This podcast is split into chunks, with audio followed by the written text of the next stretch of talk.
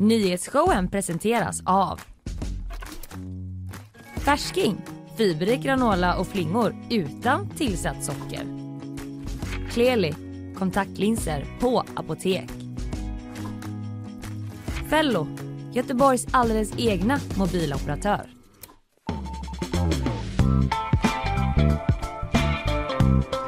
God morgon! Onsdag 15 mars, nyhetsshowen live från GP-huset är det som sänder ut på eh, internetfrekvens här från eh, Odinsplatsen. Ina Lundström, god morgon! God morgon Kalle Berg. Du, idag har vi som vanligt mycket på eh, tapeten. Eh, jag ska snacka om eh, drönaren som kraschat eh, efter att den krockat med ryskt stridsflyg.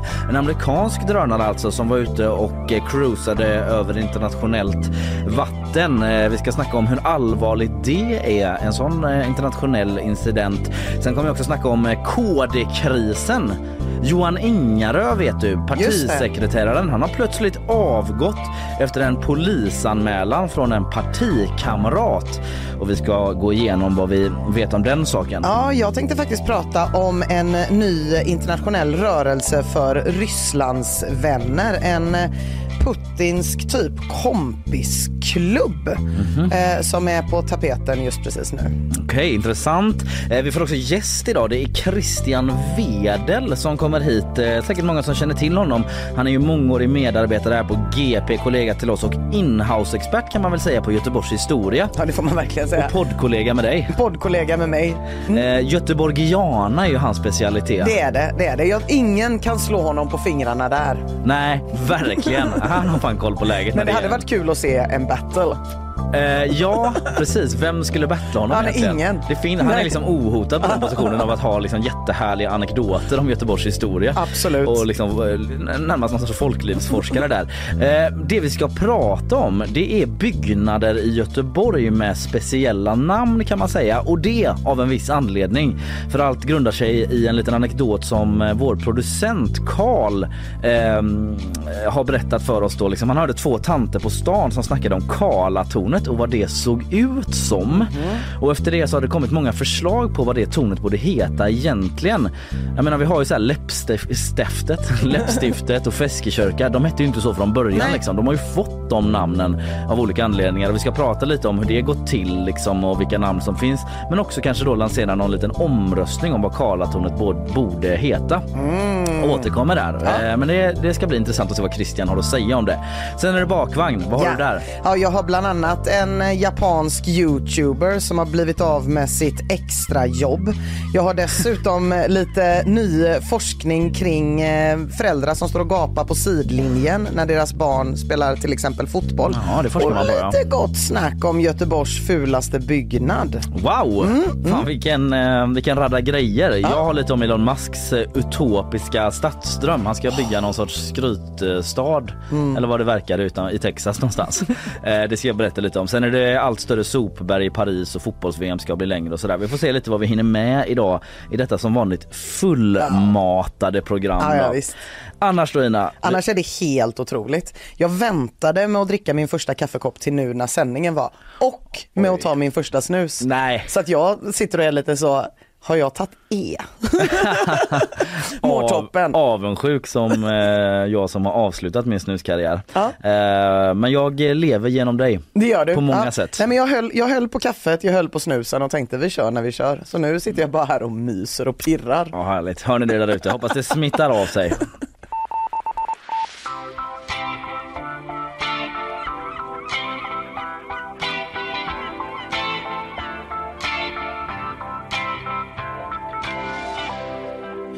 Ina, en Ja. amerikansk drönare har kraschat i havet efter att ett ryskt stridsflyg kört in i drönarens propeller.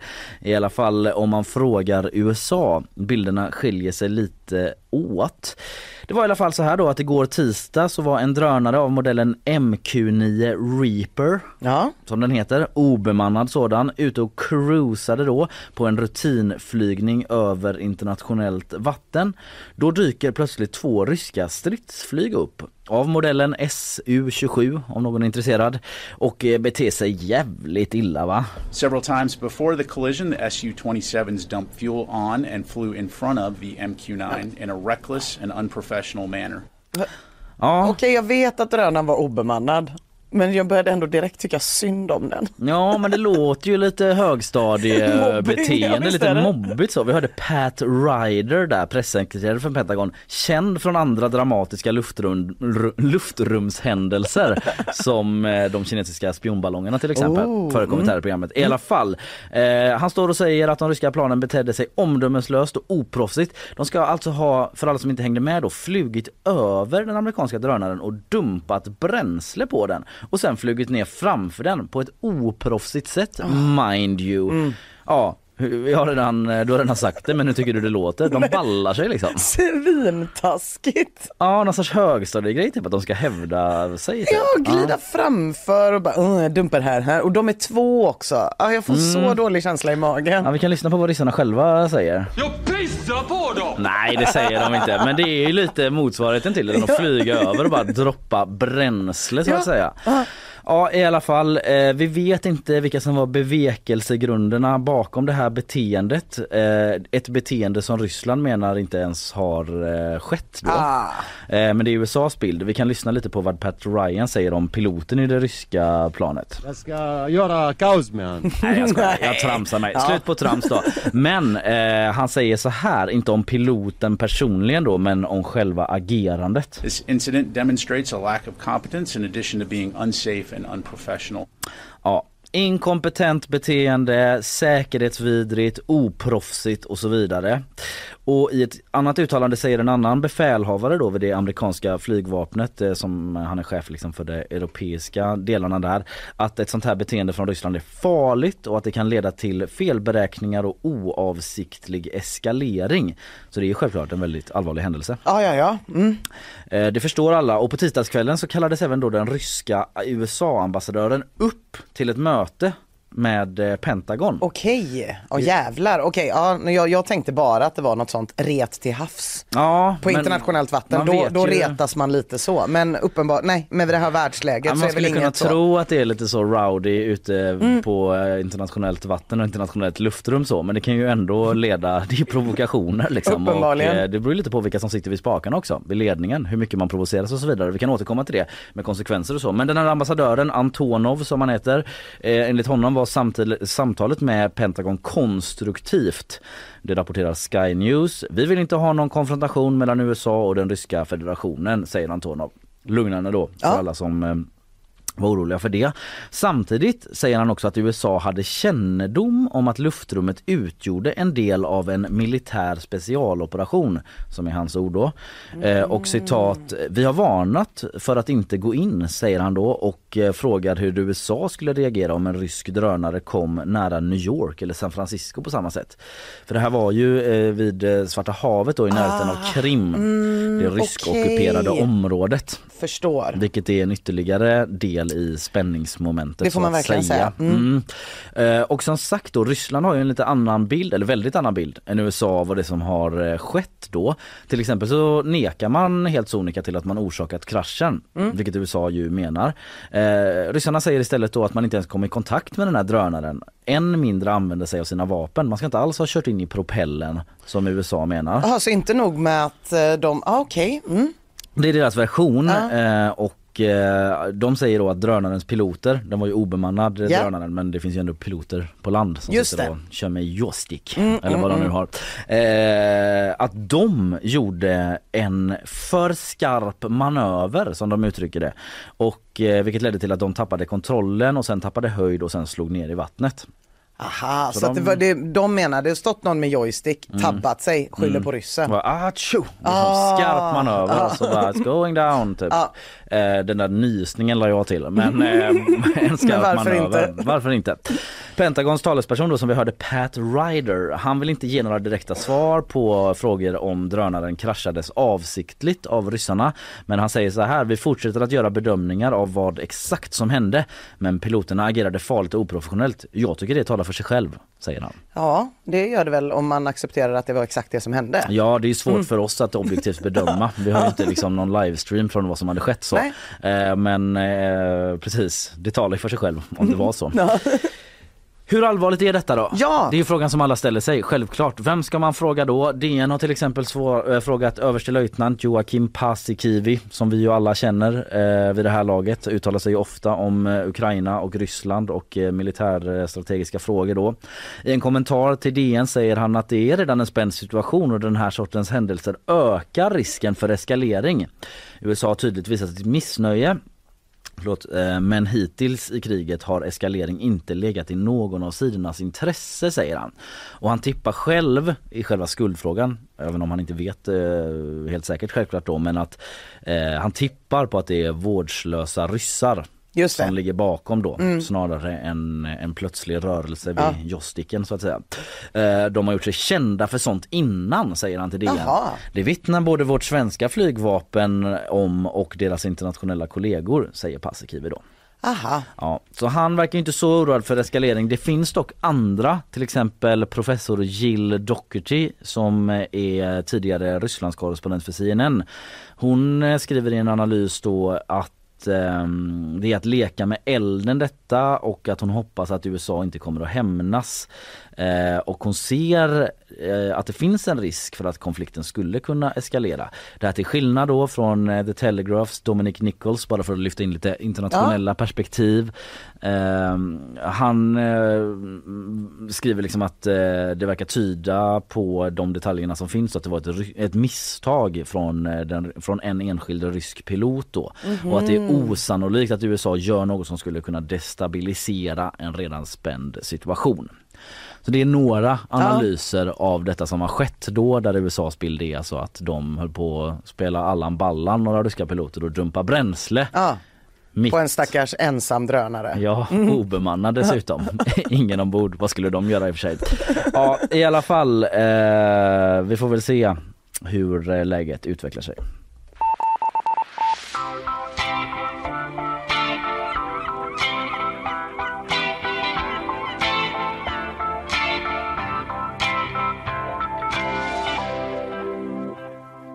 Snart ska vi prata om Putins kompisklubb. Jajamän, Eh, för alla sina bästaste finaste kompisar. Ja, det blir intressant att höra mer om detta har jag noll koll på i princip. Eh, innan det ska vi lyssna på våra sponsorer och efter det få ett nyhetssvep från Isabella också. Men eh, här kommer sponsormeddelanden.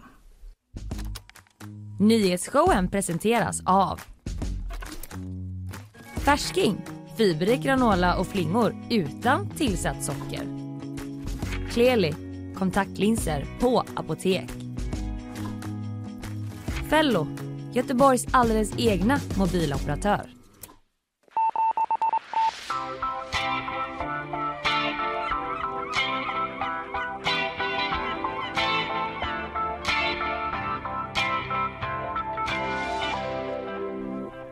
Isabella Persson, god morgon, god morgon. God morgon. Där har du en mikrofon också. God morgon. God morgon. Vi ska få ett nyhetssvep eh, från dig. Jag tycker eh, inte vi håller lyssnarna på sträckbänken särskilt länge där utan jag säger varsågod och lämnar över.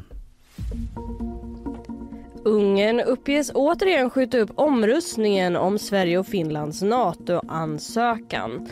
Tanken var att omröstningen skulle ske den 20 mars men nu skjuts den alltså fram igen på vad som verkar vara obestämd tid. Enligt nyhetssajten HVG kan det dröja flera veckor innan omröstningen blir av. Och Ungerns parlament skulle nämligen öppnas för våren den 20 mars men enligt uppgifter ska det vara pågående förhandlingar med den Europeiska kommissionen som ännu inte avslutats som skjuter upp öppningen. Och NATO-omröstningen nämns inte som någon anledning till uppskjutandet.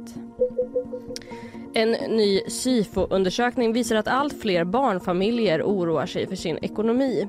Mest oroliga är gruppen ensamstående föräldrar med en månadslön under 35 000 kronor. Och bland de tillfrågade ensamstående föräldrarna så säger var femte att de skulle ha svårt att betala utgifter om de ökade med 1000 kronor. Var fjärde har behövt ta ett lån för att klara utgifterna och föräldrar vittnar också om att det är svårt att köpa näringsrik mat till barnen och pengarna räcker inte riktigt till för nya kläder och fritidsaktiviteter.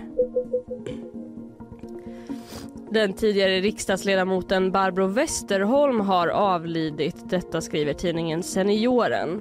Westerholm var riksdagsledamot för Liberalerna i totalt 27 år mellan 88 och 99 samt 2006 till nu 2022.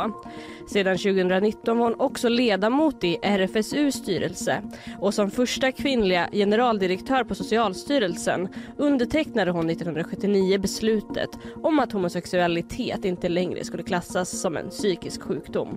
Barbro Westerholm avled efter en kort tids sjukdom och hon blev 89 år gammal. Ja, vi måste ju stanna upp lite grann vid Barbro Westerholm Ja. ändå. En så betydelsefull person. Verkligen eh, ikonisk eh, figur eh, för hbtqi plusrörelsen som det inte hette då när hon blev den här ikonen men som det ju kallas nu då. Eh, alltså som du sa då, hon var ju mycket liksom, hon var ju läkare och mångårig riksdagsledamot men hon var ju också den första kvinnliga generaldirektören för Socialstyrelsen då. Och som du nämnde 79 då så fattade hon det här beslutet om att homosexualitet inte längre skulle klassas som en psykisk sjukdom. Det finns ju radiodokumentärer om det här och det har skrivits ganska mycket om det men det är ju en väldigt, det är sällan i historien det finns sådana tydliga episka scener för en sån avgörande händelse för så många människor. Jag tänkte bara klippte ut lite grann, vi kan lyssna bara på hur det lät för det var ju på den här Socialstyrelsens trappa som det skedde demonstrationer där många homosexuella samlades då för att eh, demonstrera mot eh, att de klassades som psykiskt sjuka.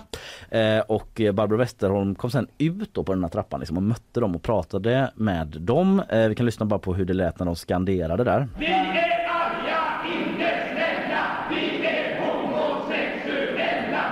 Ja.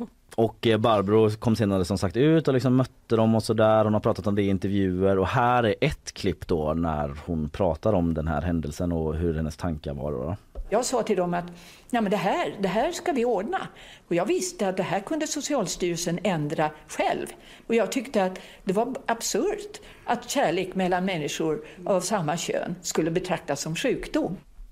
Ja, så lät det. Det var ljud från Sveriges Radio ska jag säga. Hon har ju också verkligen arbetat med de här frågorna eh, efter det här. Hon Mm. var, som jag sa så satt hon i RFSUs styrelse och sen så när hon kom in i riksdagen så började hon eh, eh, kämpa för en partnerskapslag för homosexuella. Mm. Så att eh, det var ju en hjärtefråga för henne under hela hennes karriär. Ja precis, jämlikhet mellan alla människor och sådär. Jag hörde även LUFs ordförande, alltså Liberalernas ungdomsförbund, prata om att även för unga medlemmar i Liberalerna så är hon en väldigt viktig figur. Alltså trots sin eh, höga ålder då så har hon inspirerat väldigt många liksom att eh, gå med i Liberalerna bara genom att eh, den kampen som hon har fört. Och det är ju också, jag tycker jag är häftigt att hon var ju aktiv riksdagsledamot fram till förra året. Ja, Ja, det är rätt mäktigt. Det är det, det är det, det får man säga.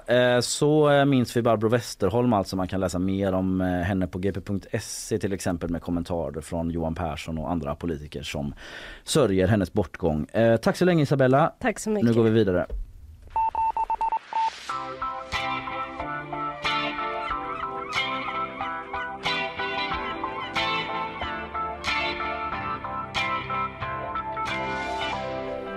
Ina, Ja. Jo, vet du, så här är det att igår kunde Svenska Dagbladet berätta om en ny internationell rörelse för Rysslands vänner. Initiativet till den här rörelsen då har tagits av Nikolaj Malinov från Bulgarien. Inte jättekänd. nej, Man får en liten backstory av mig nu. ja vad bra. Jag har Eller hur? ingen aning om eh, hans backstory. Mellan dig och mig, inte jag heller, innan igår. Nej. Det är en bulgarisk politiker, tidigare presidentkandidat, som numera leder en prorysk rörelse från Bulgarien. Och är anklagad för spionage från sitt hemland för att ha läckt hemligheter till Ryssland. Okej. Mhm. Han är jätte, jätte, jättebra kompis med Putin. Han är så bra kompis med Putin att han fick en kompismedalj av Putin 2019. Det finns en medalj för en vänskapsorden som delas ut av Ryssland och en prissumma då som han fick på över 300 000 kronor. Oj det var mycket pengar. Ja. Det är inte ett helt vanligt kompisarmband då? Nej, utan- men, nej, nej, nej, utan en mycket bättre kompis än om man bara får precis. ett kompisarmband. Du får det här kompisarbandet och tio klubbor. Ja, bra. ja, precis. Man bara, och Mm. vi är verkligen vänner hade Ja, man ju känt då, ja, eller hur? Ja, verkligen. Och kanske var det de här 300 000 kronorna eller medaljen som gjorde att han startade den här kompisklubben då för Putin som invigdes igår enligt Euractivs redaktion i Sofia i Bulgarien. Mhm. Men jag funderade lite på exakt vilka tänkte Malinov skicka inbjudningar till som ska vara med i den här kompisklubben som han har startat. Mm. Ja. Vad ska de göra i kompisklubben? Ja, kanske kommer de till det eller? Nej, det är lite nej, oklart nej, kanske. Nej, nej det, det kommer vi inte till. De det är ska- bara liksom allmänt stötta Ja, Putin precis. och Rysslands sak. då, En man uttalad kompisklubb. Det är väl Ja. kanske så många andra klubbar eh, som kompisar startar att vi bestämmer det sen. Ja just Men det. först det måste vi viktiga ändå- är att vi samlas. Vi måste först bestämma vilka ska få vara med i klubben. mm, och få medaljer och pengar. Ja, typ. Vi börjar där och sen så. Och jag ser verkligen framför mig hur Malinov har suttit där med ett gäng inbjudningar för att skicka ut Mm. Just det. och funderat vem ska han skicka? Ja. Och, alltså, han började ju säkert med A-listan. Ja. Det hade man ju själv också gjort. Så här, Jean-Claude Van Damme. Tänker nog Malinov. Han, han, han och han och Putin är ju kompisar. De har gått på MMA-galor i Sankt Petersburg ihop. Jaha det är så ja. Mm, Mm. mm, då tänker nog Malinov, han lär ju vilja vara med i klubben. Men Van Damme besökte alldeles nyss faktiskt en barnklinik i Ukraina. Där Mm. utropade han seger åt Ukraina. Ja okej, då blir det kanske nej-högen ändå Mm. Det då. blir nej-högen på Van Damme så att Malinov fick nog gå vidare då. Kanske Marine Le Pen. Ja. Skulle kunna vara någonting. Hon kallade ju Putin en kraft för gott bara förra året. Ja ja ja, Mm, den franska politikern alltså. Den franska politikern. I februari i fjol så tryckte Marine Le Pen upp en massa broschyrer med bilder på sig själv när hon skakar hand med Putin Ah. i fyrfärg och delade ut till franska hushåll. Ja, Just det, det minns jag lite vagt. Eller hur? Ja. Och Malinov måste ju tänka, om man trycker upp broschyrer n- på kompisfoton och delar ut till folk, då är man bra kompisar. Och har tillgång till en så bra skrivare, det kan ju gynna kompisklubben också. Det, är- det är sjukt viktigt att någon har en bra skrivare. Man måste ju få med folk med bra gear på sådana där klubbar, det är ju sen gammalt. Det är så, så jävla gammalt. Så, så, så, så, så allt talar ju för att Marine Le Pen kommer vilja vara med. Ja. Men sen kommer ju Malinov på då att Le Pen skickade ut de här eh, kompisbilderna bara dagarna innan Rysslands invasion Ja, av just det. Ukraina. Och efter Rysslands invasion av Ukraina så har ju inte hon gjort något annat än att fördöma Putin Ja, dygnet ja. runt i Mm. princip. Dessutom är nog Le Pen lite extra arg eftersom Macron under presidentvalskampanjen inte slutade prata om kopplingarna mellan Le Pen och Ryssland. Åh, Malinov får gå vidare. Ja. Till någon lite mindre nogräknad, någon annan kompisklubbmedlem kanske. Och då kom man kanske på Mickey Rourke. Jaså? Ja men det skulle kunna vara något. Han var i Moskva 2014 men inte bara det. Han köpte där också då en t-shirt med Putins ansikte på Mhm. och sa att Putin, det är en riktig gentleman.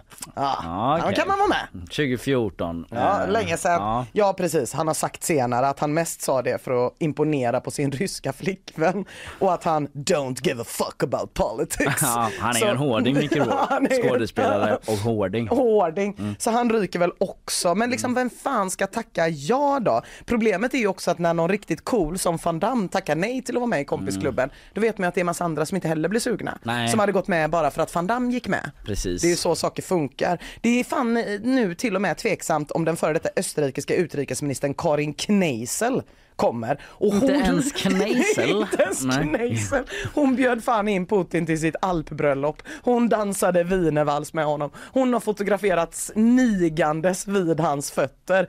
Och, men hon kommer nog inte heller komma och ärligt talat så tänker nog Malinov Ja. hur många kommer gå med bara för att Kneisel är med. Ja, det är Ingen. inte samma dragningskraft Nej, det riktigt. är ju inte Kanske det. i Österrike, Kanske i Österrike. Men då kommer han ställen. kanske på Silvio Berlusconi. Ja. Ja, de har haft en bromance han och Putin jättelänge. De skickar presenter till varandra, små födelsedagshälsningar. Mm. Och Berlusconi har sagt om Putin, jag har känt honom i 20 år och han har alltid känts som en demokrat och fredens man. Okej. Han kommer nog, tänker Malinov. Eller vänta, nej, i april så Mm. fördömde till och med Silvio Berlusconi den ryska invasionen av Ukraina. Man börjar ana ett mönster där, även de mest hängivna kompisarna. Precis. Men äh, han, han sa i och för sig sen att Putin nog hade tvingats att invadera Ukraina av det ryska folket. Men jag tror ändå Malinov räknar honom som icke pålitlig i det här scenariot. Jag Ja. tror det. Nu är vi nere bland de riktiga C-kändisarna, Mm. tänker nog Malinov förtvivlat. Och då kommer han på Gerard Depardieu.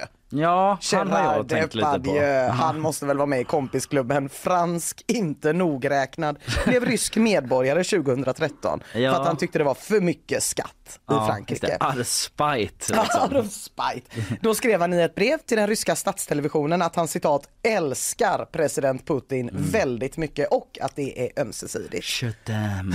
Je t'aime tres mucho. Okej, jag kan inte det sista. Två år senare sa Gerard Depardieu, jag älskar Ryssland och jag älskar Ukraina som är en del av Ryssland. Sa han det där sist Det också? sa han. Ja. Ukrainarna blev jättearga. Ja. Mm. Eh, De svartlistade skiten ur honom i fem år och han fick inte komma dit. Men det är faktiskt till och med så att inte ens Gerard Depardieu är med. För efter invasionen av Ukraina då dumpade han Ryssland och blev medborgare i Förenade Arabemiraterna. Fick Okej. jag läsa igår, det hade jag ingen aning Nej, om. inte jag heller. Det var nyheter för mig. Mm, Ingen finns det från Malinov som vill gå med i kompisklubben men en sista kämpe står Ja. kvar. Åh, som Malinov kan sätta sitt hopp till. En ensam stark man, en hjälte som kan rädda honom. Det är som någon ur en Steven Seagal-film. Det är Steven Seagal. Ja, det är det. Det är han jag tänkt på mest hela tiden. Det är Steven Ja. Seagal, skådespelare, regissör, miljöaktivist, sångare, gitarrist, sheriffpraktikant, djurrättskämpe, serieentreprenör, buddhist, terroristbekämpare, kulturell appropriatör av rang och real life karate kid. Ja, vilket Mm. CV. Eller hur? Han började faktiskt träna kampsport som ung under Fumio Demura och det är inspirationen till Mr Miyagi. Kan du berätta om några av dina svagheter också? Du vet, intervju med honom. Det skulle väl vara det här med... Nej, jag kommer inte på något. Kom inte på någonting. Rysk medborgare sedan 2016, bott där i flera år, har fått vara sändebud för det ryska utrikesdepartementet gentemot Japan och USA. Jaha, Mm. okej. Fick också en sån här kompismedalj, eh, Ah, vänskapsorden, för två veckor sedan. Antar att det är precis likadant som Malinov har fått. Oklart om det var pengar inblandade. Faktiskt förra veckan på ett utrikesmöte i Bryssel blev Tobias Billström ombedd av flera politiker i väst att försöka få med Steven Seagal på EUs lista över personer som ska utsättas för sanktioner. Helt sjukt. Inte just för att Billström kanske kan göra det så här, Nej. men för att Sverige är ordförandeland för EUs ministerråd nu. Ja, just det. Då kan man trycka på. Då kan man trycka på. Så det har väckts krav på att frysa hans tillgångar i väst. Kompis check ju. Segal har dessutom en väldokumenterad förkärlek till dik- diktatorer från forna östblocket. Han har setts mumsa morot med Alexander Lukasjenko i Belarus. Europas sista diktator brukar han kallas. Han har lärt sig folkdansmoves av Tjetjeniens starke man Ramzan Kadyrov. Han har rockat loss med sitt bluesband på mc-gänget Nattvargarnas festival på Krim. Ja. Som kanske väldigt vana nyhetsshow en lyssnare känner igen från att Sabaton också har spelat där. Ja, just det. Inte helt okontroversiellt. Och Steven Seagal, han verkar vara så förtjust i Putin. Va? Han har beskrivit honom som en av de största levande världsledarna. Ja, det är stora ord. Han har dessutom beskrivit Rysslands annektering av Krim som citat mycket rimlig. Steven Seagal tänker nog Malinov, det här är ett toppnamn. Äntligen någon mer än mig Då som är vill vi vara med två i i klubben. alla Då fall. är vi två. Och Steven Seagal, jajamän, han är med. I Svenska Dagbladet kan man läsa att han nu är ansiktet utåt för Malinovs kompisklubb. Fast, fast undra hur glad Putin blir för det här. För att när Segals medborgarskap annonserades, då sa Putins presstalesman Dmitrij Peskov så här om beslutet. Han har bett dem att få bli medborgare rätt så enträget och under en längre period. Låter ju inte som en bästis. Alltså Putin har ju liksom låtit Segal tjata sig till Ja. ett medborgarskap. Ja, Och även om liksom Segal har sagt att han gärna ser på Putin som en bror så sa samma presstalesman så här om Putins förhållande till Segal.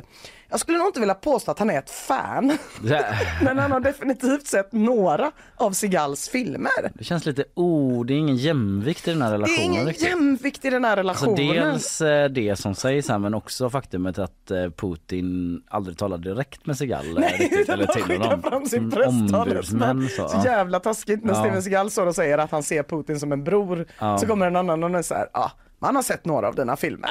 Ja, Ja, det, det, det han säger i princip är att ja, han har sett Under belägring och På farlig mark, de enda två Steven Seagal-filmerna som någon någonsin har sett. Mm. Och i andra ringhörnan står ju Steven Seagal och tror att han är svinbra karatekompis med Vladimir Putin.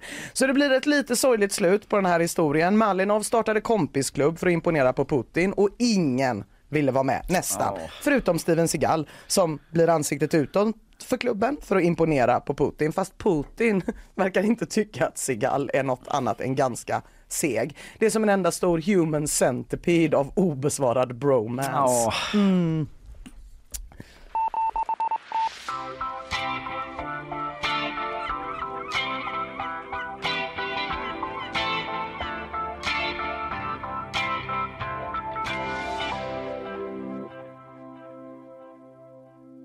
Alright, vi ska prata om krisen i KD nu. Eh, Det dominerade ju nyhetsflödet från igår eftermiddag när det briserade då att eh, partisekreteraren Johan Ingarö har skilts från sin post.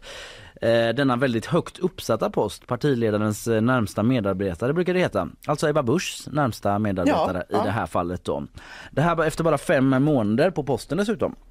Eh, dock ska man säga att han har gjort eh, många, han har liksom gjort många år inom partiet Ja. eh, på andra poster och sådär. Men nu lämnar han jobbet som partisekreterare och partiet. Och bakgrunden är då att han ska ha blivit polisanmäld. Han har blivit polisanmäld av en icke namngiven partikollega efter en händelse på en efterfest med citat stora mängder sprit slutcitat för nio år sedan. För Och- nio år sedan. För nio år sedan, precis. Och eh, nästan samtidigt igår då så publicerade Kristdemokraterna och KD-profilen, får man ändå säga, Sara Skyttedal eh, ett inlägg på Facebook om att hon anmält en icke namngiven partikollega som försökt ta sig rätten till hennes kropp, som hon uttrycker det. Eh, Okej, precis. ja. Och enligt uppgifter till DN så är det eh, Har de här sakerna anmält. med varandra att göra? Men Mm. eh, det är uppgifter till DN annars får man liksom se på de där två, det är två Facebookinlägg som beskriver de här två olika händelserna då. Men det var alltså igår så det kom ett mycket oväntat pressmeddelande om att Johan Ingarö, Ingarö lämnar toppositionen då med omedelbar verkan. Ebba Busch tackade honom för många år inom partiets tjänst och önskade honom lycka till och, och sådär. Men det framgick inte i pressmeddelandet varför han skulle sluta. Nej. Eh, läser jag i vår artikel på gp.se och enligt uppgifter till Expressen då så hade inte ens partistyrelsen fått information om att han skulle lämna innan det Jaha. skedde då. Så det kom en överraskning som en överraskning för många. Men om vi då återgår till vad Johan Ingarö själv säger om det här. Han har skrivit ett ganska långt inlägg på Facebook om saken som kom ut eh, i samband med det här pressmeddelandet om hans avgång. Han skriver så här bland annat. Jag har fått veta att en nära partikamrat i dagarna har gjort en polisanmälan mot mig avseende någon form av ofredande som hon menar ska ha skett för nio år sedan. Så skriver han. Han säger vidare då att han inte gjort sig skyldig till vad som påstås. Okej. Citat. Jag har inte fått se anmälan men utifrån den lilla information som jag har fått så vet jag ändå vilket tillfälle som avses och att det som påstås inte är sant. Det är hans bild av det hela.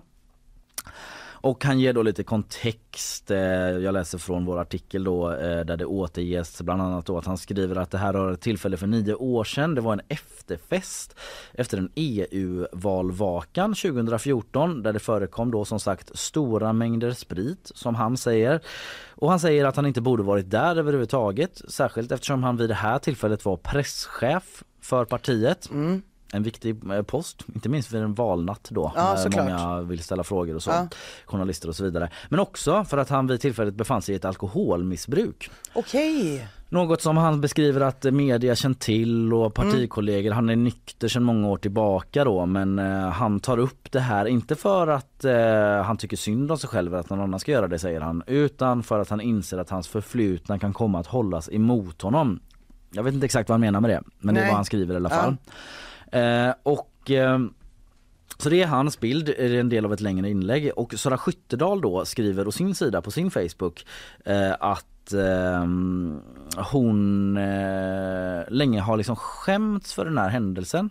så som hon upplever den liksom och förringat den. Ja. Inte velat göra en grej av det. Nej. Men att hon nu valt att polisanmäla trots allt.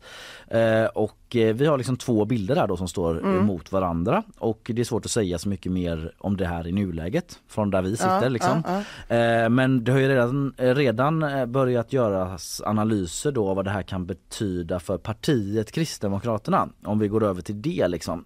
Så här säger SVTs politiska kommentator, inrikespolitiska kommentator Mats Knutsson. Ja, det är lite tidigt att dra säkra slutsatser om det men det kan mycket väl utveckla sig till en svår och allvarlig kris för Kristdemokraterna och för Ebba Busch. Ja, han lyfter då att sådana här utredningar de brukar ju ta väldigt lång tid. Eh, det ger medial uppmärksamhet, en negativ uppmärksamhet för partiet inte minst på så sätt att man inte får prata om det man egentligen vill prata om, alltså politik. Och att eh, det är redan en ganska jobbig situation för KD som det är. De har tappat en del i opinionen i mätningarna och det är hela det här med elprisstödet, hur Just det, utformas. Det finns de som har kritik mot det. Det är en del och han pratar också om att just det här med att partisekreteraren, det är inte vilken position som helst. Nej. Det är en väldigt viktig position och eh, man har liksom ett väldigt stort ansvar för vilka vägar politiken ska ta, det här långsiktiga strategiska arbetet. Och en tredje grej lyfter han också. Det tredje, att Johan Ingerö är ju en central figur i Ebba Buschs nära krets. Han har, en, eh, en, en viktig, har haft en viktig position, en omläggning av Kristdemokraternas politik som har skett de senaste åren i riktning mot en hårdare retorik, en tuffare politik. Eh, han har varit en person som hårt har försvarat både partiet och nu också regeringen.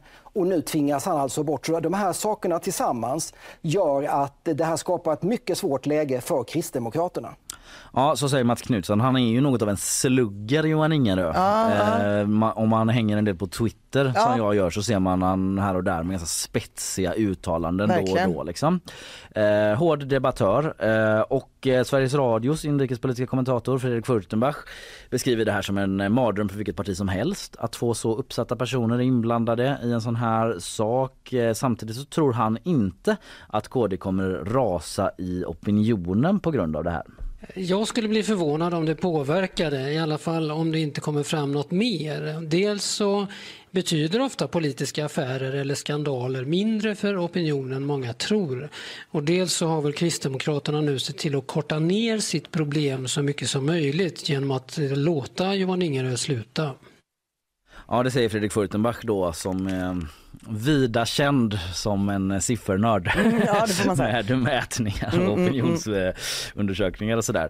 Eh, det får bli avslutande ord för detta. Eh, det kommer väl utvecklas. Vi kan säga också att GP, vi på GP sökt Johan Ingerö, Sara Skyttedal och KD för ytterligare kommentarer som vi inte fått ännu och det är flera medier som gör samma sak. Så under dagen eller framöver kanske man får höra Lite mer, ja, men det är väl inte otroligt. fler Mm. nyanser och fördjupad bild. Med det sagt så går vi vidare.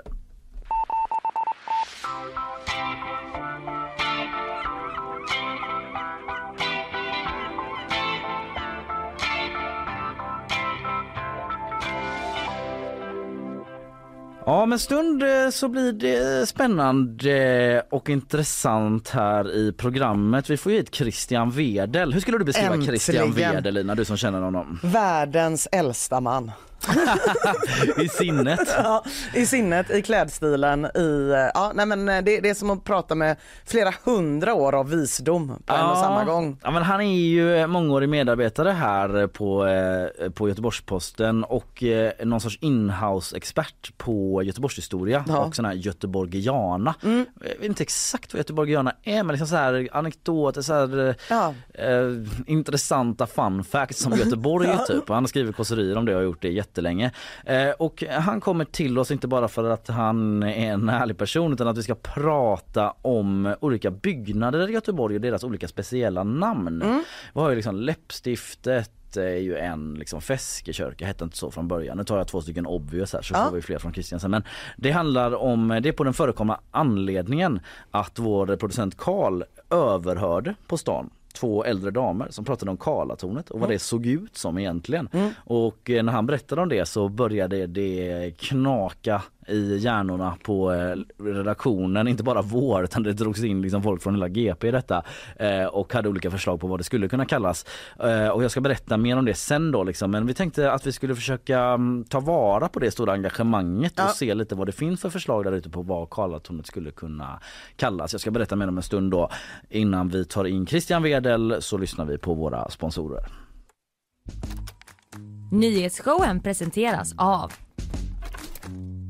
Färsking, fiberrik granola och flingor utan tillsatt socker. Kleli, kontaktlinser på apotek. Fello, Göteborgs alldeles egna mobiloperatör. Ja, häng kvar då eh, så ska vi släppa in Christian Wedel i studion och eh, snacka om göteborgska byggnader och deras göteborgska namn. Var kommer de ifrån och ja, vilka olika sorter finns det? Vad kännetecknar ett... Eh, ett bra Bra sätt att nämna en byggnad från Göteborg. Ja precis, det finns lite olika kategorier. De som växt fram organiskt på något sätt och de som känns lite mer, eh, ja men du vet Pearl Harbor. Ja, den är skohornad. Ja lite så. Jag tycker det finns lite olika kategorier. Vi ska höra vad Christian har att säga om det. Mm. Häng kvar eh, så fyller vi på kaffet och sådär och återkommer om några sekunder här bara.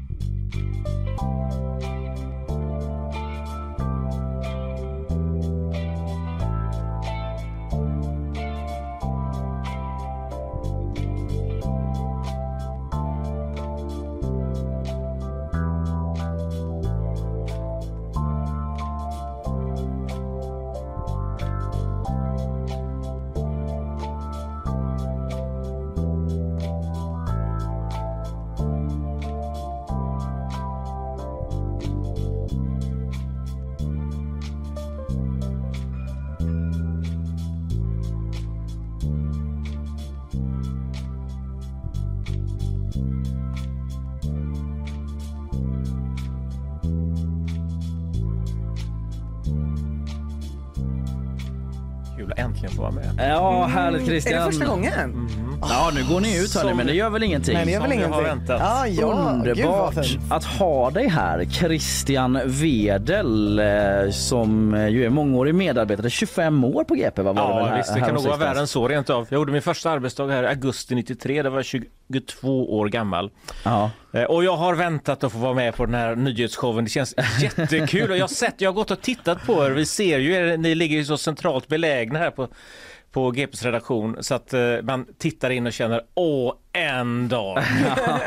och nu är dagen kommen Christian. Ja det är härligt. Underbart. Ja men det är ju på eh, förekommen anledning här då. Vi ska ju snacka lite om eh, byggnader i Göteborg bland annat och hur de har fått sina namn eller vilka namn de har och liksom vad som kännetecknar ett Göteborgs byggnadsnamn ungefär så. Och det här är ju på den förekomna anledningen då av att vår producent Karl var med om en sak. Jag tänkte jag ska berätta det här nu för alla så att alla hänger med. Christian du hör också detta för första jag gången. hör detta för första gången. Så detta är jungfrulig mark, Karls anekdot. Precis, och det börjar så här med att Karl gick förbi två tanter på första Långgatan. Jag hör att det låter som en Karl Ada Ja, historia. det gör det. Ja, men han heter Karl, vad ska jag göra? Dock med R då. Däremellan inte Karl. Men i alla fall, eh, han gick förbi två äldre damer på första Långgatan som stod där och blickade över mot hissingen och Karlatornet. Då hör Karl eh, deras dialog. Ena damen säger det ser ut som ett blixtlås. Och där eh, går Karl vidare egentligen och tänker inte så mycket mer på det. Han lämnar de här damerna som står liksom och blickar mot Karlatornet och konstaterar att det ser ut som ett blixtlås. Eh, det enda Karl gör är väl att han tyst för sig själv tänker att ja fan, det gör det. Lite så. Sen berättar han om detta på redaktionen. Eh, det överhörs av eh, andra redaktioner som engagerar sig i detta. Ja det ser ut som vi ser ju det, inte från där vi står nu men om man bara liksom lutar sig lite så ser vi ju Karlatornet eh, från GP-huset. Och eh, då kom det andra förslag. Ja blixtlåset eh, var ju en grej då, eh, gylfen. Är det det liksom det skulle kunna kallas? Eh, dragkedjan eller Ja. bara kedjan kanske. Det blev stort engagemang kring detta. Vad ska Karlatornet heta om det nu inte ska heta Karlatornet? Och då kände vi liksom att det här stora engagemanget vill vi göra någonting av eh, just eftersom det är någonting som bränner till känner vi. Eh, men innan vi tar det vidare då eh, för kanske någon form av omröstning eller i alla fall liksom höra lite med lyssnarna hur de ser på det hela så vill vi ha lite av en kontext då kring eh, historiska byggnader i Göteborg och det är ju därför vi har bjudit in dig Christian. Ja, det första jag vill göra är naturligtvis att jag vill syna den här historien i sömmarna lite grann. Ja, absolut. Därför att. Därför att kontexten är att i den traditionella Göteborgshumorn så ges byggnader lite festliga namn. De ska vara dubbeltydiga, det ska vara ordlekar. Ja. Det Göteborgs byggnader får namn av ordlekar. Sen kan man diskutera hur det är utomlands. Det finns byggnader får namn på alla möjliga ställen i världen. Jag känner inte till om den här extremt ordlekande tendensen är någonting som är typiskt Göteborg. Jag vet inte om det förekommer någon annanstans. Men det som, det, som jag, det som får mig att tvivla på den här kvinnan, inte, jag tvivlar inte på Karls berättelse, han är säkerligen fullständigt uppriktig, men om hon har sagt detta med ett tonfall av nyvunnen insikt, hoppsan det ser ut som ett blixtlås eller Mm. som en dragkedja, så tror jag att hon har bluffat för sin väninna.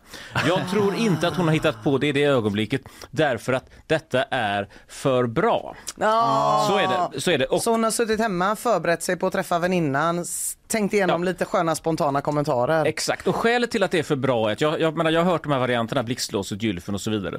Och gylfen skulle jag vilja hävda är eh, för den stora massa som går och eh, kokar i sin eges, egen vrede liksom. kokar i sin egen olja över hur mycket de hatar den här byggnaden.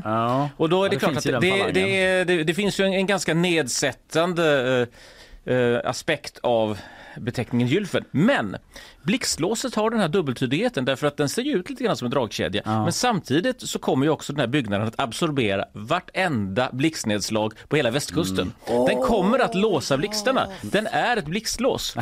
Och därför tror jag Så inte jag inte ens. att den här kvinnan på Andra Långgatan faktiskt kom på detta. Hon har hört det någonstans, hon har kanske inte själv varit medveten om det. Hon har försökt imponera på sin kompis.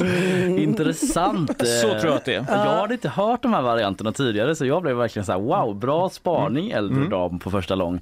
Eh, vi kan väl också, eh, eller, nej men alla vet hur Karlatornet ser ut men eh, bildgoogla så får ni bedöma själva liksom. Det finns ju en rolig krock också i tänker jag att det här är ju en byggnad uppförd av en av Göteborgs rikaste personer, Ove Serneke. Den säljs eh, Alltså lägenheter där för liksom 70 miljoners klassen då, de allra dyraste.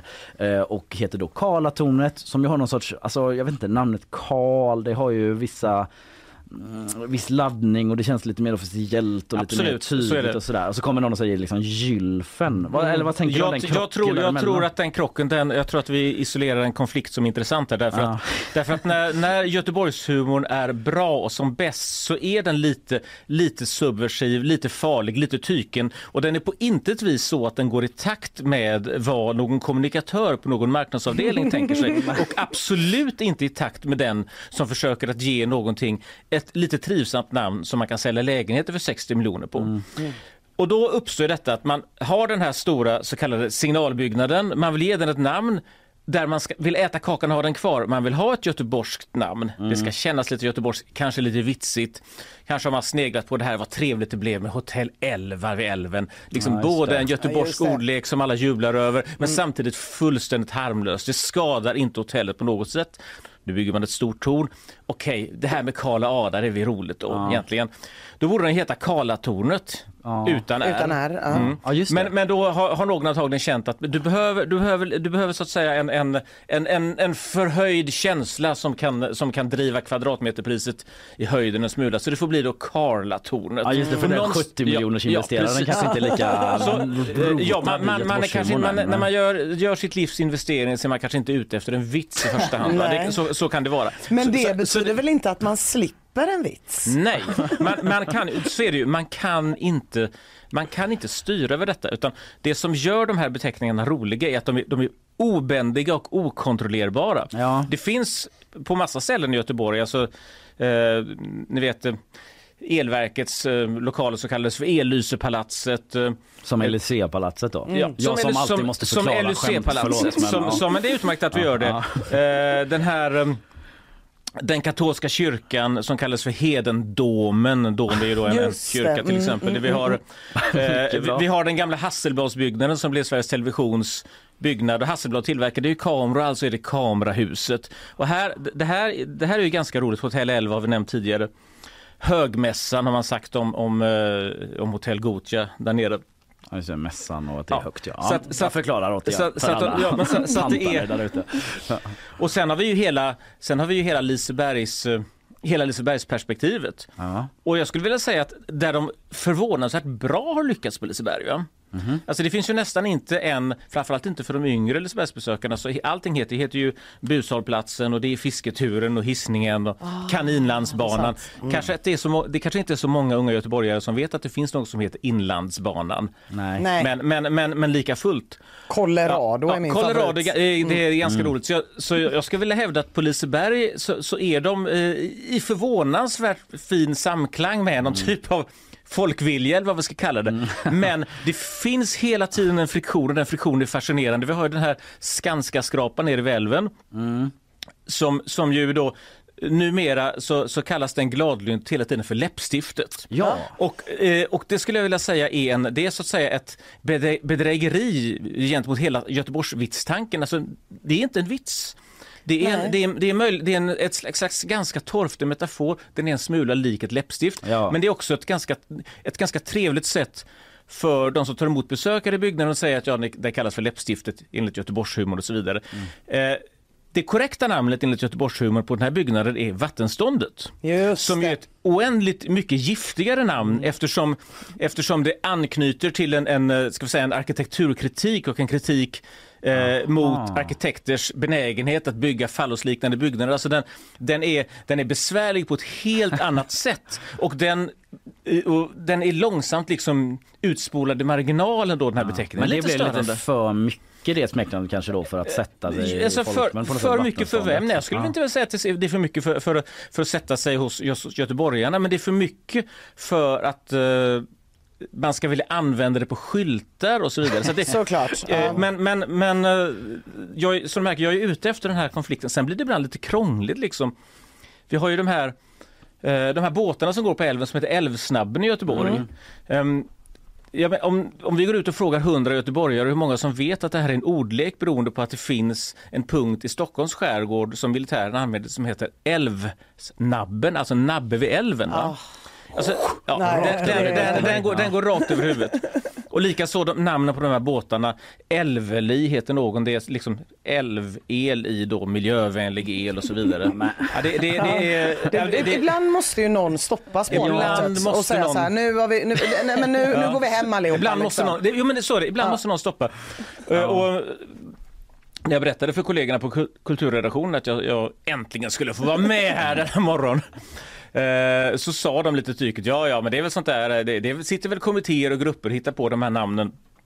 Det värsta är att, eller, eller bästa, för jag är själv skyldig i sammanhanget. Det finns sådana här kommittéer och grupper och jag har ätit åtskilliga avlånga middagar på Liseberg och annorstädes för att diskutera liksom vilket officiellt namn det ska bli. Ja. Och då, det intressantaste jag var med om där, det var när eh, man hade en rengöringsbåt, alltså man skulle eh, rensa eh, kanalerna på något sätt och liksom plocka upp skräp. Gam, gamla går. cyklar och pilsnerflaskor och, och, och drunknade holländska turister och vad nu man då får på kroken. Och då Eh, och då var, minns jag det här kanske 15 år sedan, att Stena, att de var, villigt då, de var villiga att i stort sett bekosta den där båten och då ty- tyckte alla att då kan den väl få heta rena Danica. Men då okej. förklarade scenrepresentanten som då liksom hade analyserat det här med Göteborgshumorn att det, vi, vi avböjer rena Danica beroende på att göteborgarna klarar inte mer stena i stadsbilden. Liksom. Det finns en övermättnad. Vi, eh, det, det, skulle bara, det skulle bara vändas emot oss. Ja, jag förstår. Så att, skicka gärna fakturan men vi får kalla det något annat. Liksom. Ja. Men jag tycker det är intressant, vi var lite inne på det här på redaktionen att det, det finns ju lite olika kategorier för som du nämner läppstiftet eh, har ju att göra med att det ser ut som ett läppstift eh, i mångt och mycket. Sen Mm. finns det de här, eh, alltså det är ett namn som kommer av utseende. Sen finns det Mm. de här som känns lite mer krystade, typ så Pearl Harbor, Big Glen. Ja. Eh, Där man, där man, ja, men, Känns som det har varit stockholmare inblandade. ja men nästan Som att det blir lite Så, så, ja, men så är det. det låtsasgöteborgarna är intressanta. Och det är också så att Alltså, stockholmare har ju en benägenhet att liksom krångla till sina beteckningar. Alltså, eh, om, du, om du stöter på en person som säger att han, ska, att han på Kristi flygare ska åka till Kanarieholmarna så är det för det första garanterat inte en göteborgare Nej. och sedan högst troligt en stockholmare. Så när stockholmare eh, försöker att eh, säga att de eh, Vitsa sig. traderar Mm, någon typ mm, av göte, mm. göteborgsk tradition. Alltså en, en typisk Stockholms Göteborgsvits. Det kan vara, vad kallas det när, när, eh, när föräldrar i Göteborg skiljer sig? Päronsplitt. Mm.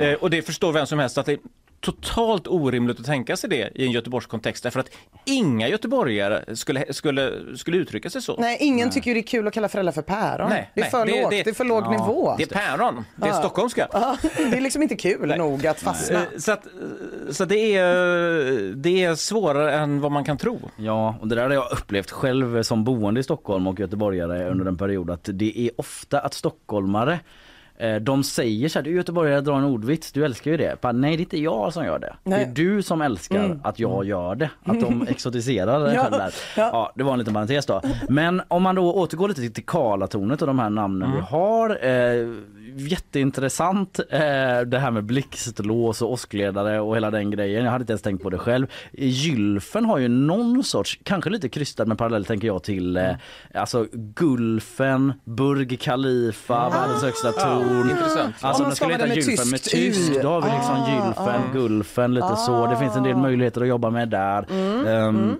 Jag vet inte om du har någon, eh, du kanske inte liksom vill värdera, jag vet inte, du är mer en observatör av Göteborgs, göteborgian och så men, eller jag vet inte. eh, det är alldeles riktigt. Jag försöker undvika att värdera, bland annat av det skälet att eh, i samma ögonblick som jag kliver ut och skriver i spalterna att jag tycker att i kranar eller broar eller byggnader eller hus eller någonting annat är bra eller dåliga så enrolleras jag till olika typer av folkinitiativ.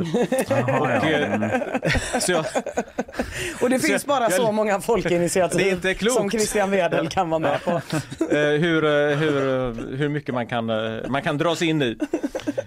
Ja, eh, okej men eh, jag tänker så här då. Eh, vi har det här eh, på gång här nu. Om man då ser till liksom hur olika namn har dykt upp i Göteborg. Eh, Tror du att om vi skulle liksom dra igång ett initiativ som vi från GP, tror du det är ett hinder? Nej. Att vi som en maktspelare liksom Ehm. lanserar en tävling eller en omröstning eller?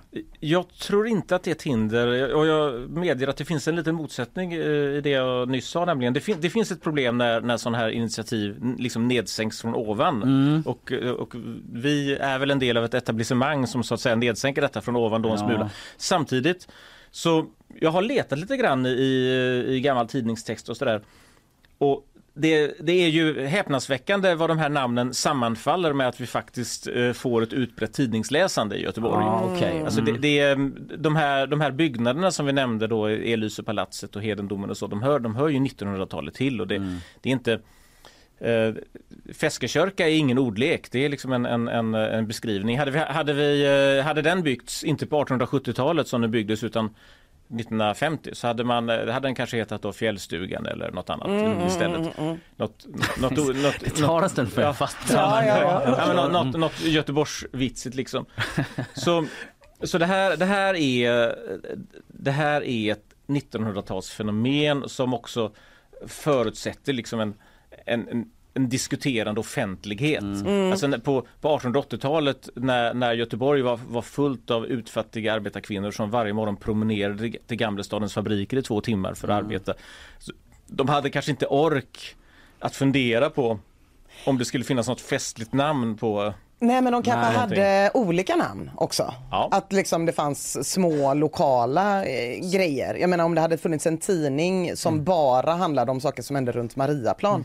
Då hade ju vissa utav de namnen som jag har för saker där kunnat kanske manifesteras i skrift. Ja. Men nu är det ju så här, det är bara saker man har med sina kompisar. Så att det kräver ju också att det är tillräckligt många som kan läsa. Ja. Mm, du har helt rätt och, och, och, och det, det fyller en om man skriver mycket om Göteborgs historia, vilket jag gör, så, så fylls man ju av vanmakt över hur, hur ofattbart mycket som, som går förlorat. Mm. Eh, Ja, av, av, av eh, den, sociala koder, oskrivna sätt att bete sig. Jag vet att jag skulle en gång försöka jag skulle skriva om hur man 1930 gick in på, eh, på Lorensbergs restaurang och bara det att försöka få reda på ja, ja, vad gör du med din, din kavaj? Eh, hänger du av den när du går in? Kan du hänga den över stolen? Kan du ha den på dig? Får du ha den på dig? Ehm, hur, eh, hur tilltalar du eh, hov- hovmästaren eller, eller, eh, eller servitören? Får man vissla på dem? Ja. Alltså det, det, det är, och sånt är otroligt svårt att få reda på. Och samtidigt är det ju just det som vi som, som berättar Ja. om historia, vi vill ju komma åt de där Ja. miljöerna. Ja. Så det är ändå gött med att det finns tidningar. Så jag, jag tycker inte man ska ha lite dåligt samvete för att det är GP som bestämmer för sig för det att... tycker jag inte. Och Nej. liksom, visst, det finns ett uppifrån perspektiv men vi vill ju gärna se oss själva här i, på GP och i nyhetsshowen som liksom eh, en del av Göteborg också där man eh, bjuder in lyssnarna och så. Det är därför vi vill göra det. Vi har ju några förslag då här uppe men vi vill ändå hålla det öppet för lyssnare och läsare eh, och med eh, snilleblixt eh, i, och, och, i anländande eller i vardande. Snilleblixtar i blixtlåset, ja, absolut. Ja men precis, så att vi finns ju på Instagram, det vet i nyhetsshowen. Där kan man skicka in förslag. Vi håller det öppet. Eh, sen kommer vi välja ut de som vi tycker håller nivån på något sätt. Eh, Det, den rätten tar Men vi är oss. det du efterlyser, är det göteborgska byggnader i allmänhet? Nej, eller är det nu just, Karlatornet. just Karlatornet? Ja, vad man Mm. tycker passar Ja, för ja. den liksom. Och sen så kommer vi på något sätt att eh, styra upp då en eh, omröstning i våra sociala medier där folk kommer kunna rösta. Vi kommer få ett resultat. Vi kommer eh, diskutera det resultatet och kanske bjuda in någon gäst på det och så vidare. Så får vi väl se om det sätter sig. Mm. Men det står i alla fall klart att det blir liksom vår benämning för Karlatornet Ja. kommer avgöras via den här omröstningen.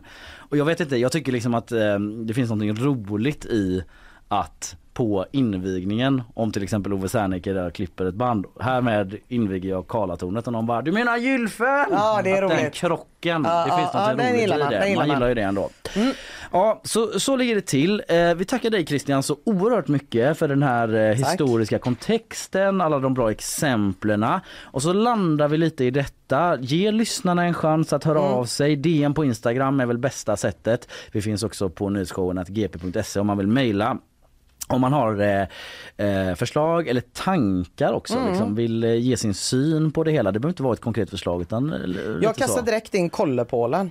Kollepålen? Mm, tycker det är kul. Jag förstår inte, vad, vad blir det? Det är lite... Ja, det är, det en- det är något det är en- lite snuskigt. En Ja. Och så är det en metropol också va? Ja, ja, som mm. spökar där? Ja men jag förstår, ja, men vi kikar på dem. Kollepollen Liksom. eller Kolepålen, ja men någonting där någonstans. Ja. Någon annan får jobba vidare. Ja, men jag gillar ju de här dragkedja, gylf och sånt för att eh, just likt fiske- Feskekörka och eh, läppstiftet så är det också lite hur det ser ut. Ja, det är inte det. bara ordet. Nej. Men där kan man tycka olika helt Ja. enkelt. Så vi kommer sammanställa detta och göra ett urval. Och sen får man rösta. Ja men absolut. Ja. Och, eh, och då tänker jag mig att men då får man vara med igen kanske.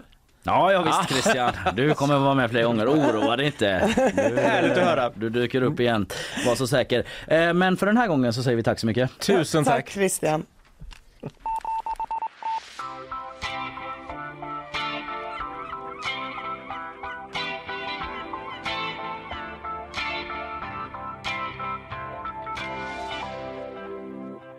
Vi ska lyssna på våra sponsorer här medan vi eh, släpper ut eh, Christian Wedel. Sen är vi tillbaka med eh, fler nyheter från dygnet som gått och, och kanske landa lite grann i det här med Karlatornet versus Blixtlåset och så vidare. Men först tar vi sponsormeddelanden. Nyhetsshowen presenteras av Färsking, fiberrik granola och flingor utan tillsatt socker. Kleli, kontaktlinser på apotek. Fello, Göteborgs alldeles egna mobiloperatör. Men det liksom klarnar allt mer för mig att jag är ganska dålig på att förstå ordvitsar. Det är bara för att du har bott i Stockholm några år. Det kommer snart tillbaka. Ja det är det va? Mm. För jag, det tar lång tid innan jag fattar det, typ Mm. två sekunder senare. Jag sa Aha. Ja ja, en som har huvudet på skaft eh, för det mesta det är ju du Isabella Persson. Ja, men, återigen, jag som inte har det då, som inte drar upp eh, Ja, din det mikrofon. Eh, du, eh, det var lite breaking news här va? Ja, det kommer nya inflationssiffror. Ehm, Vill du ta dem nu? precis, Ja, men vi kan prata lite. Jag, Ja. De kom precis, jag har inte hunnit... Eh, Nej men jag förstår, då tar vi det lite loose. Ja, enligt ehm, från eh, SCB, då, Statistiska centralbyrån, så var inflationstakten 12 procent i februari 2023. En uppgång från januari då den låg på 11,7. Jaha, det fort, Så, ehm, fortsätter i fel riktning då. Ja, och inflationstakten det var det här KPI-måttet då. Sen så har man det här konsumentprisindex med fast ränta där som bortser från eh, Ja just det, räntorna och så. Den låg på 9,4 procent i februari. okej. Så det, man kan väl säga att det ökar. Man kan säga att det ökar. Mm, och man vill väl hellre att det går åt andra hållet. Ja det är så mycket nu med de här bankerna som vi pratade om här i programmet igår som eh, har problem och krisar i USA också. Mm. Då trodde man de kanske skulle sänka räntan eller i alla fall inte höja lika mycket då för att det är just den höga räntan som är problemet för de här bankerna. Men då sa Thedéen igår att nej det kommer vi nog inte göra utan Mm. eh, vi höjer på här som Mm. vanligt. Samtidigt som de följer det 24-7 Mm. på Riksbanken eller något sånt där sa han. Dygnet runt. Jag undrar om eh, Sitter någon vaken där på nätterna? Ja, de jobbar skift. Eller om det var liksom så att säga Ja. dygnet runt. Ja. Ja, vi får väl se. Rykande färska siffror då. Det blir Ja. väl lite analys av dem på bgp.se kan jag tro. Från... in och läs mer där. Ja, vi eh, går vidare med eh, det vanliga nyhetssvepet. Varsågod. Laddboxarna Easy Home och Easy Charge förbjuds att säljas. Elsäkerhetsverket har efter en granskning konstaterat att det finns en risk att jordfelsbrytaren inte löser ut som den ska. Och i värsta fall skulle felet kunna orsaka brand eller strömgenomgång. Uppskattningsvis finns det redan 100 000 av de här modellerna installerade runt om i landet och tillverkaren är nu skyldig att åtgärda felet på redan installerade boxar. En ny SIFO-undersökning visar att allt fler barnfamiljer oroar sig för sin ekonomi. Mest oroliga är gruppen ensamstående föräldrar med en månadslön under 35 000. Och bland de tillfrågade ensamstående föräldrarna så säger var femte att de skulle ha svårt att betala utgifter om de ökade med 1000 kronor. Och var fjärde har behövt ta ett lån för att klara utgifterna. Föräldrar vittnar också om att det är svårt att köpa näringsrik mat till barnen och pengarna räcker inte riktigt till för nya kläder och fritid fritidsaktiviteter. En kvinna från Göteborg reste 2012 ner till Syrien och anslöt sig till IS. Vid minst ett tillfälle ska kvinnan tagit bilder på mördade och lemlästade människor och som hon sen publicerat på sociala medier. I förhör har hon efterhand förklarat agerandet som dumt att hon var dum och att det inte finns någon annan förklaring. Hon står nu åtalad för krigsförbrytelse där maxstraffet är sex års fängelse. Tack för det Isabella. Vi eh, ska gå vidare här. Eh, Du hade en sån jäkla mustig lista med bakvagnsnyheter. Ja, ja, ja, ja, ja, ja, ja. det är idrottsföräldrar, det är japanska youtubers och det är Göteborgs fulaste byggnader, du hör ju. Ja, jag hör. Jag eh, är spänd av förväntan. Jag har lite om Elon Musks planer på att bygga någon sorts ut- utopisk stad. Han har köpt en massa ma- mark vad det verkar i Texas. Det vill man höra direkt va? Ja visst vill man det. Vi kommer få höra om allt detta här eh, sista delen av programmet. Tack så länge Isabella. Tack. Tack.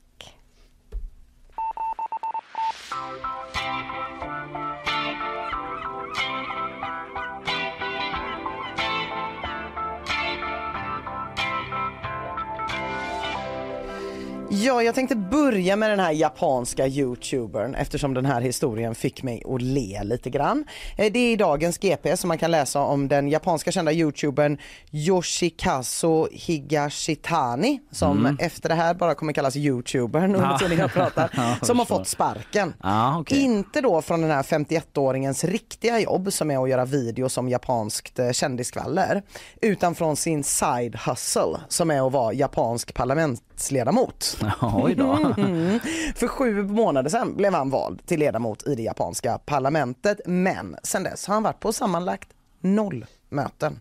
Jaha. Noll Han är möten i upptagen med parlamentet. att redigera. Han måste edita, han måste göra olika grejer. Den här youtubern bor dessutom i Dubai Nej, eh, och säger att han inte har kunnat komma eftersom att han är rädd för att bli gripen i Japan. Jaha. Och det är väl inte omöjligt att han skulle bli det för han anklagas för både bedrägeri och för förtal av olika kändisar. Okej. Men parlamentet tycker inte det var en jättebra ursäkt att han inte kommer för att han är rädd att bli gripen. Så de sa faktiskt i förra veckan, nu är det du som kommer till kammaren och i alla fall ber om ursäkt för att du har dumpat oss. Du vet hur det är. Säg förlåt. Ta Mm, tillbaka det där. Ja. förlåt. Men tyvärr, det är ju så, youtubers be youtubing. Han kom inte utan han laddade upp en video istället. Ah. Mm.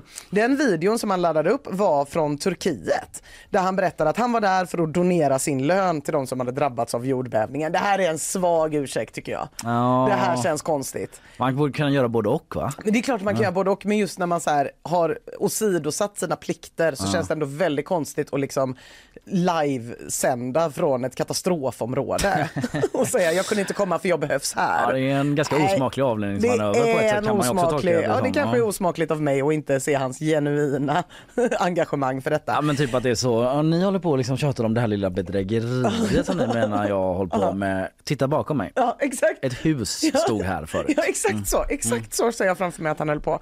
Jag tycker att han försöker komma undan här och japanska senat, senaten tyckte samma. De sa nej till hans eh, eh, video och röstade istället för att utvisa honom från parlamentet. Helt enhälligt röstade de. Hur fan kom han in i parlamentet? Det kanske inte du har hunnit Nej det eh, har jag inte, men jag gissar att Youtube har något med saken att göra. Någon Det kan, personvalskampanj kanske. kan ha varit en Mm. annan viral video Ja. och folk som röstar på flipp, Ja. vilket ju händer hela tiden. Ja, det här är i alla fall första gången någonsin som någon har utvisats ur det japanska parlamentet på grund av frånvaro.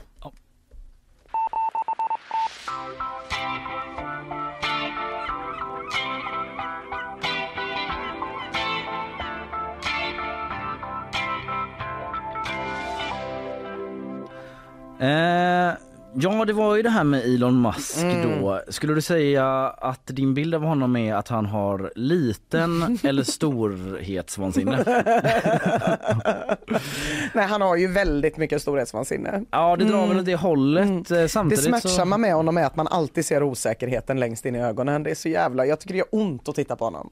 Ja alltså det, man, det, sen får man väl ge honom att han har ju också lyckats med väldigt mycket då. Det här storhetsvansinnet har kanske Mm. varit en drivkraft då för att eh, liksom få iväg en raket till Mars snart. Eller eh, land, landa snart i alla fall sådär. Ja. Eh, man kan se det på olika sätt. Nu är i alla fall då hans nästa projekt som han verkar vara igång med enligt Wall Street Journal i alla fall. Att bygga en utopistad eh, som ska ligga i Texas nära då anläggningarna till SpaceX och Tesla. Eh, och eh, då ska arbetarna där kunna bo i ett eget samhälle till rabatterade priser. Att etikett, etikettera det som utopi, alltså jag menar det kanske är, jag vet inte riktigt om det är Wall Street Journal som gör det eller Elon Musk själv men eh, det kan ju också, Jag den enes utopi den andras mardröm. Ja, alltså. Att bo bredvid nästgårds till jobbet liksom. Ja, ja, ja, ja, det kanske inte alla vill, nej. Nej, det kan ju vara olika. Eh, men eh, han planerade i alla fall, skriver Aftonbladet då, som eh, refererar till Wall Street Journal för ett nytt samhälle utanför Austin i Texas bredvid Boeings och SpaceX anle- eh, anläggningar och då ska det kallas för Snailbrook. Och eh, det tror man är kanske för att eh, det här Boring Company som det också heter, han är också lite av en vitsare. Ja. Boring Company är ju de här som eh, håller på och bygger tunnlar och sånt. Mm, just det. Alltså på svenska blir det sådana ord på borrning typ. Ja, ja, men eh, det heter väl ändå inte bora, Bora. Nej, jag tror inte det. Det är väl Eh, vildsvin. mm, exakt, men Mm. det kanske finns någon, eh, någon, något i språket där som jag inte förstår riktigt. Men i alla fall att de har en maskot så är det tydligen då som är en snigel som heter Gary. Också lite sådär... Ja, ehm, ja. du Vi vill inte ha sådana förslag på Karlatornet. Nej. Inte så långsökta. Men det är att han är så på jakt efter eh, liksom LOLs hela tiden Ja. eh, på Twitter och så Elon Ja. Musk. Det är väl också en del av den här eh, Ja, osäkerheten det är den kanske. som syns längst in. Det är, Ja. Kombinationen är så smärtsam. Han vill till Mars men han vill också bara att folk ska tycka han är rolig liksom. Ja, mm. Och då så ska det här stället då heta Snailbrook. Mm, på grund av detta.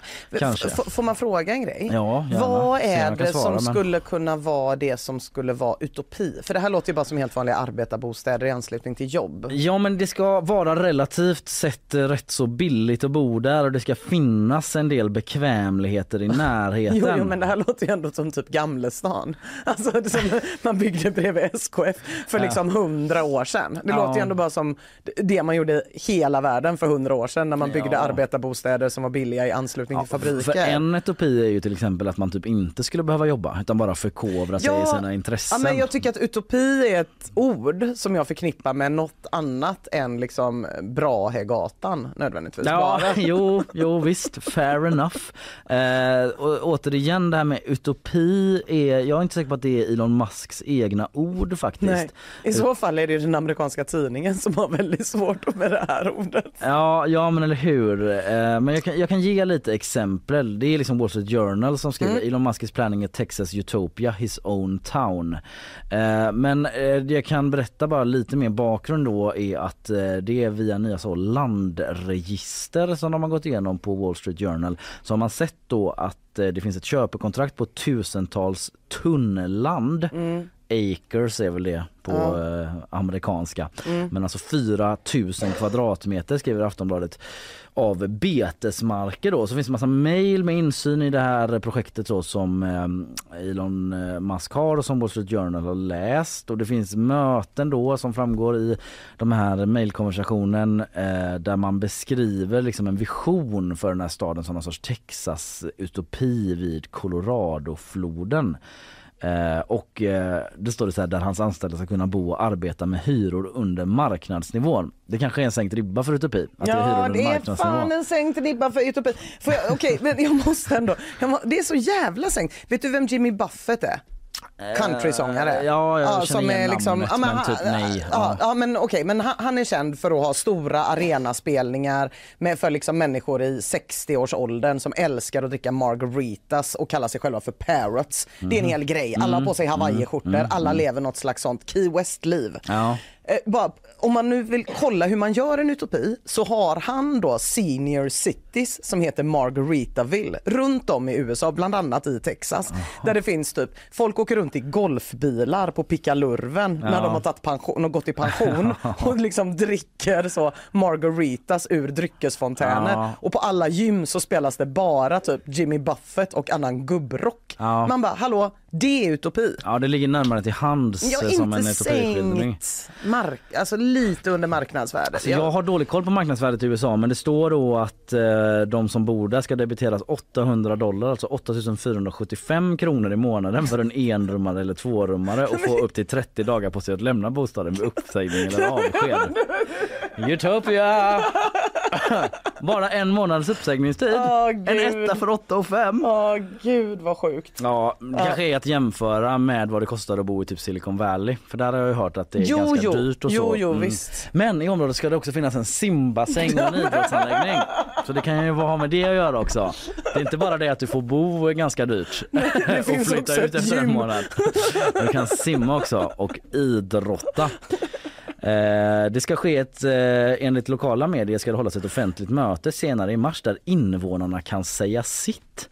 Och då antar jag att det är typ de framtida invånarna. Ja. Eller så här, bor det redan folk Nej, där? jag vet. Ja, det måste vara de framtida då. Sen avslutas Aftonbladets artikel så här. Det här har inte så mycket med Elon Musk att göra utan med Aftonbladet. Vad tycker du? Är det en bra deal? Vem frågar du mig det? Aftonbladet? Ja, om du frågar mig så är det inte det i alla fall. Nej, ja, vi, eh, ja, det, det, det kan väl vara så att det är ut, vi får följa det här. Det kanske Mm. kommer fler uppgifter. Jag har inte hunnit läsa hela Nej. Wall Street eh, Journals långa artikel om det för den är dessutom låst och vi kan inte ha hur många prenumerationer som Nej, helst på GP. jag tycker hur som helst att det låter som att det är en bra bit från Margaritaville. Är det Frölunda eller? Ja, Ja, nya loggan. Vad tycker du? den är skitsliten. Igår så tog Radiosporten upp föräldrar som gapar och skriker vid sidlinjen när deras barn idrottar. Mm, ett fenomen eh, Ett man känner fenomen. till. Ja, är du uppvuxen med detta fenomen? Ja men liksom delvis. Eh, Mm. Ja jag har absolut stött på det. Jag spelar ju fotboll i många år och det fanns absolut de föräldrarna. Då, inte alls mina egna Nej. eh, vill jag understryka. Nej.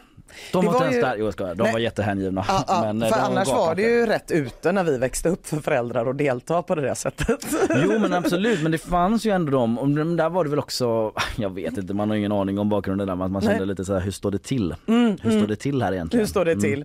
Eh, tror du att du kommer bli en sån förälder? Nej, jag tror inte det. Jag Nej. hoppas ju självklart att jag inte kommer bli det, men jag tror inte det ligger för mig. Dock så har jag ju en tävlingsjävel i mig. Så det finns att jag kommer möjligen tänja på gränserna för vad som är okej. Mm.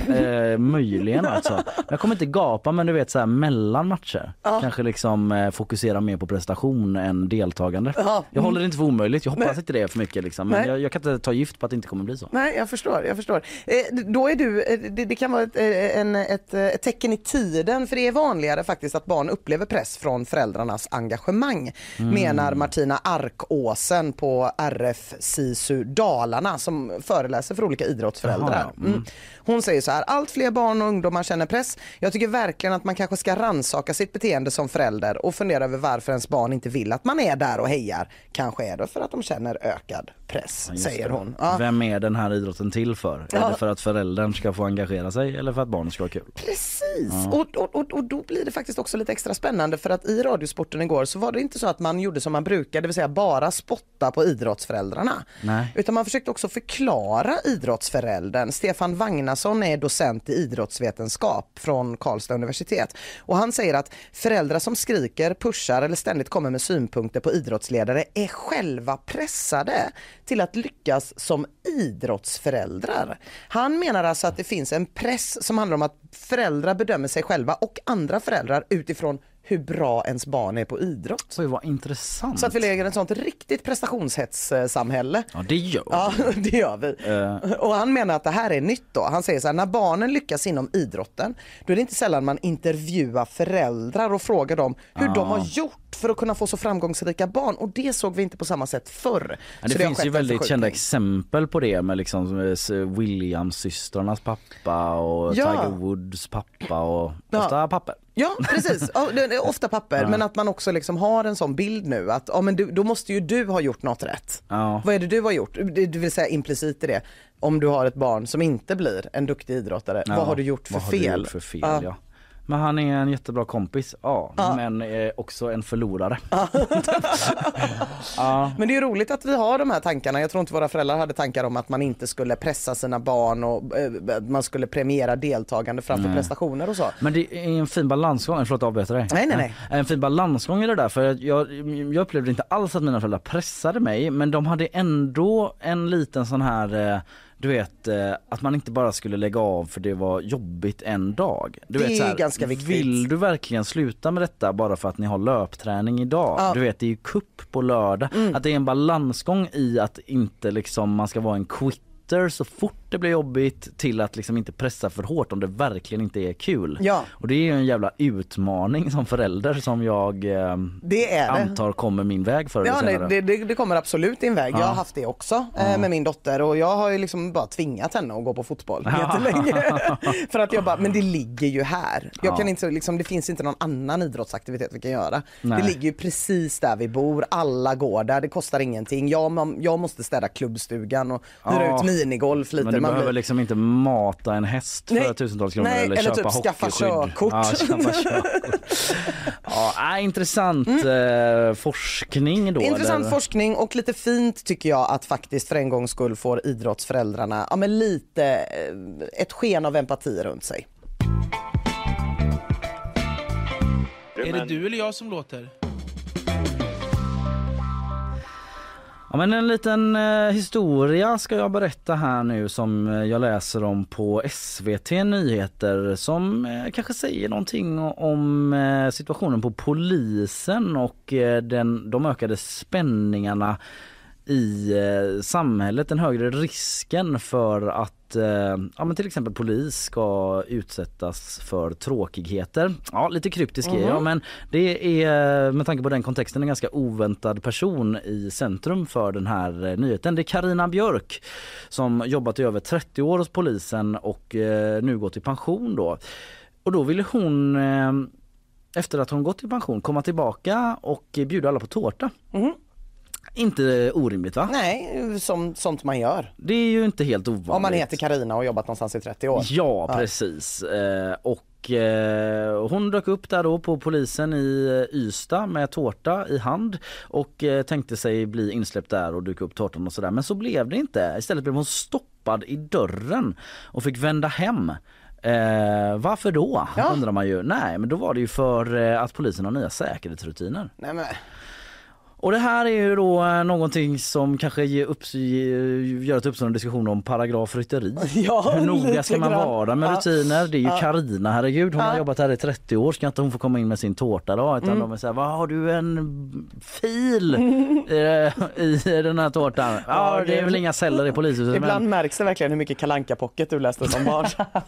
Ja i alla fall. Eh, det, det, det, det skedde då hon dök upp där, hon fick inte komma in, det var i januari detta. Hon säger till SVT då att hon blev så fruktansvärt arg eh, och när ilskan hade lagt sig någorlunda så blev hon väldigt besviken och ledsen.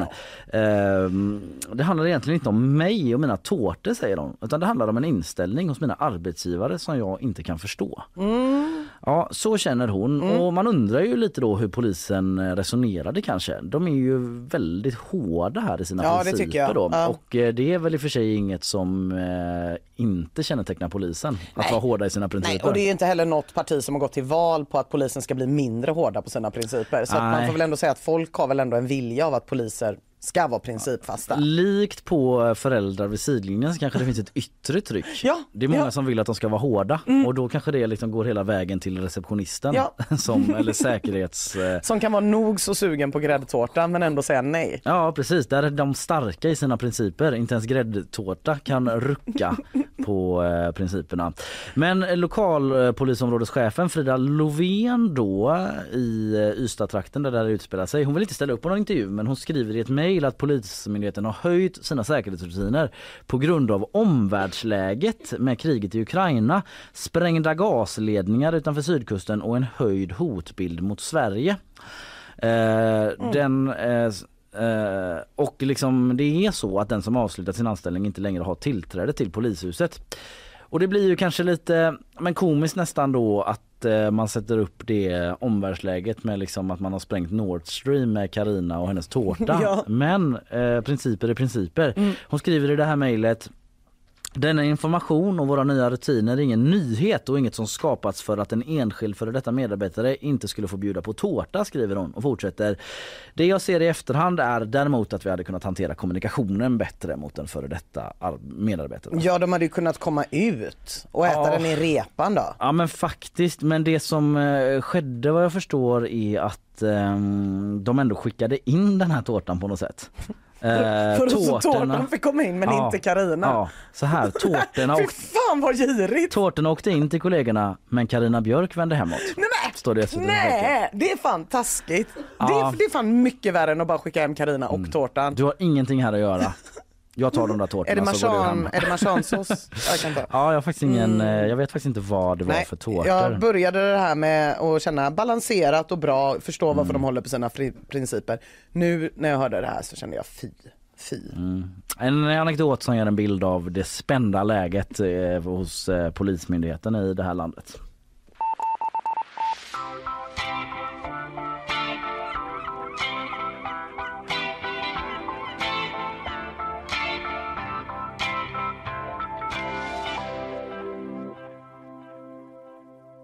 Ja, vi pratade ju lite om göteborgska byggnader med Christian Wedel och vi har ju Ja. redan uppmanat er som lyssnar att jättegärna skicka Insta-DM med lite förslag som ni har på vad man borde kalla Karlatornet Ja, vi egentligen. har ju det här med eh, dragkedjan, eh, blixtlåset och gylfen Mm, då mm. eftersom eh, det ser ut lite så. Men det kanske finns andra Precis, jag försökte med någon kollepolle, kom inte riktigt ur det. Någon kanske kan hjälpa mig, vem vet. Men i måndags så korades ju Merkurhuset på Skeppsbron till landets bästa nybyggnation. Jag Just tror det. det. var uppe här Mm, jo, i men det var det. eh, nyhetsshowen. Det pratade Fanny och Linnea om. Jag tror det, va? Mm. de fick ta emot det här Kasper Salin-priset. Ett sånt här tillfälle går ju inte förbi eh, värsting-coolingarna arkitekturupproret.